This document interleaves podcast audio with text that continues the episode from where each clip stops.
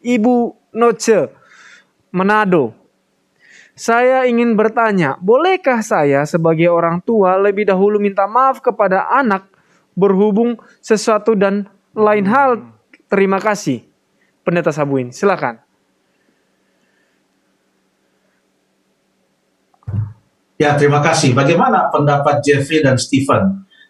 Dari sudut pandang seorang anak, apakah ada kalanya kita mengharapkan kalau boleh orang tua jangan janganlah orang tua hmm. tapi orang yang lebih tua dari ya. kita atau orang tua kita minta maaf kepada kita bagaimana ini pertanyaan yang cukup menarik dan sangat praktikal uh, kalau dari saya pendeta pasti akan muncul rasa respect ya di luar daripada yeah. um, permasalahan yang terjadi pasti yang pertama yang kita rasakan pendeta secara pribadi ah respect kok uh, orang, orang lebih tua, yang lebih tua, yang meminta maaf gitu ya. Maaf gitu. Jadi Di kita juga melihat suatu teladan yang yang ya. baik. Terlepas siapa yang salah, siapa ya, yang benar, tapi ketika sesuatu hal atau yang lebih tua minta maaf itu kita yang muda, kita yang lebih muda merasa langsung waduh kayak ya. gitu. Jadi Bisa jadi langsung nggak enak, waduh. Iya.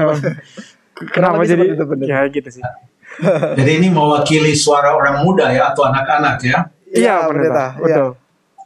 Ya, di dalam terima kasih banyak dan terima kasih uh, Ibu Nonce dari Manado. Uh, di dalam Alkitab, uh, firman Tuhan memberikan kepada kita nasihat tentang hubungan sosial kita. Contohnya ya, contoh. Kita baca dalam Roma pasal yang ke-12 ayat yang ke-10. Roma 12 ayat yang ke-10 yang mengatakan hendaklah kamu saling mengasihi sebagai saudara dan saling mendahului dalam memberi hormat. Ya ini dalam memberi hormat ya. Tetapi di dalam beberapa uh, apa namanya strata masyarakat di beberapa bahagian bumi ini hierarki antara yang lebih tua lalu kemudian muda lalu anak-anak atau dari kakek lalu orang tua dan anak untuk memberi hormat pun ada tempat-tempat di mana orang tua akan menunggu kapan ini anak saya memberi hormat dan mereka tidak akan lebih dahulu apa namanya katakanlah memberi salam atau uh, memberikan ucapan salam atau memberi hormat dan lain sebagainya. Tapi dalam prinsip uh, Alkitab, uh, sekalipun itu di dalam uh, tatanan masyarakat yang apa namanya di mana orang tua itu menunggu dan anak yang harus lebih dahulu uh, untuk menghormati. Uh, tapi dalam Alkitab dikatakan saling mendahului dalam memberi hormat. Tapi itu memberi hormat. Sementara pertanyaannya adalah apakah sebagai orang tua bahkan ini Ibu Nonce mengatakan bolehkah saya jadi saya asumsi Ibu Nonce ini orang tua apakah saya sebagai orang tua lebih dulu, bolehkah saya sebagai orang tua lebih dulu meminta maaf kepada anak berhubung sesuatu dan lain hal ya? Mungkin sesuatu dan lain hal tentang kesalahan saya. Sebelum saya datang kepada beberapa ayat Alkitab lagi apalagi saya akan ambil dari kitab Efesus pengalaman pribadi saja bahwa saya tidak bisa hitung lagi berapa kali saya sebagai seorang ayah dari dua orang anak, saya yang lebih dahulu memohon maaf. Maafkan papa ya, papa salah dan lain sebagainya. Uh, tapi coba kita lihat Alkitab, ini acara tajam. Kita buka Efesus pasal yang keempat. Tolong ini dibaca oleh Stephen atau oleh Jeffrey. Uh, Efesus pasal yang keempat, ayat yang ke-32. Ayat yang ke-32. Tetapi ya. hendaklah kamu ramah seorang terhadap yang lain, penuh kasih mesra dan saling mengampuni, sebagaimana Allah di dalam Kristus telah mengampuni kamu. Hmm. Terima kasih. Ini cukup menarik karena Efesus pasal yang keempat ayat 32 ayat terakhir dari pasal 4 dan setelah itu akan masuk ke pasal 5 dan pasal 6 di mana di pasal 5 dan pasal 6 ini uh, menggambarkan tentang uh, hubungan uh, antara suami dan istri. Bagaimana suami memperlakukan istri, istri memperlakukan suami, lalu kemudian antara orang tua dan anak, lalu kemudian antara hamba dan majikan atau mungkin kita ambil konteks kita sekarang adalah uh, karyawan dan pimpinan katakanlah demikian.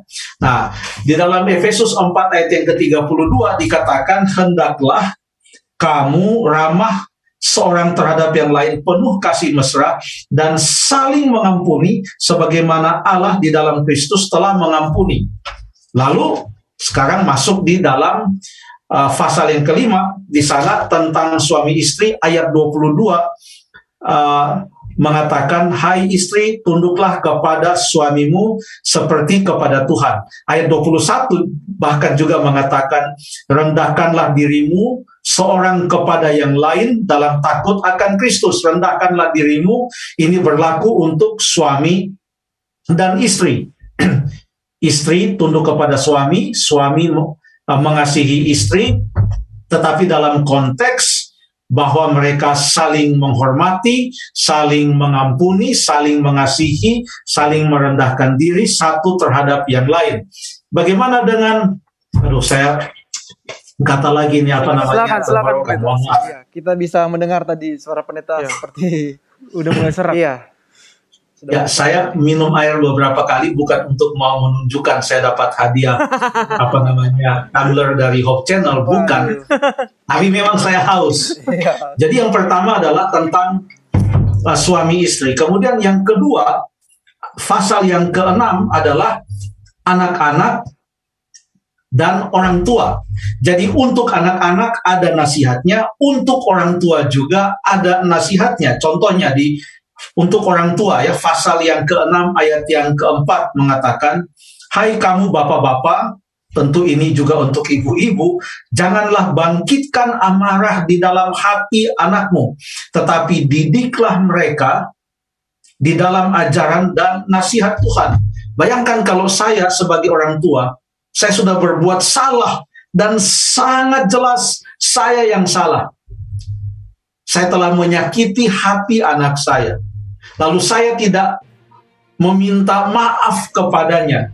Apakah kira-kira saya memenuhi apa yang dikatakan oleh firman Tuhan dalam Efesus 6 ayat yang keempat? Hai kamu bapak-bapak janganlah bangkitkan amarah di dalam hati anakmu.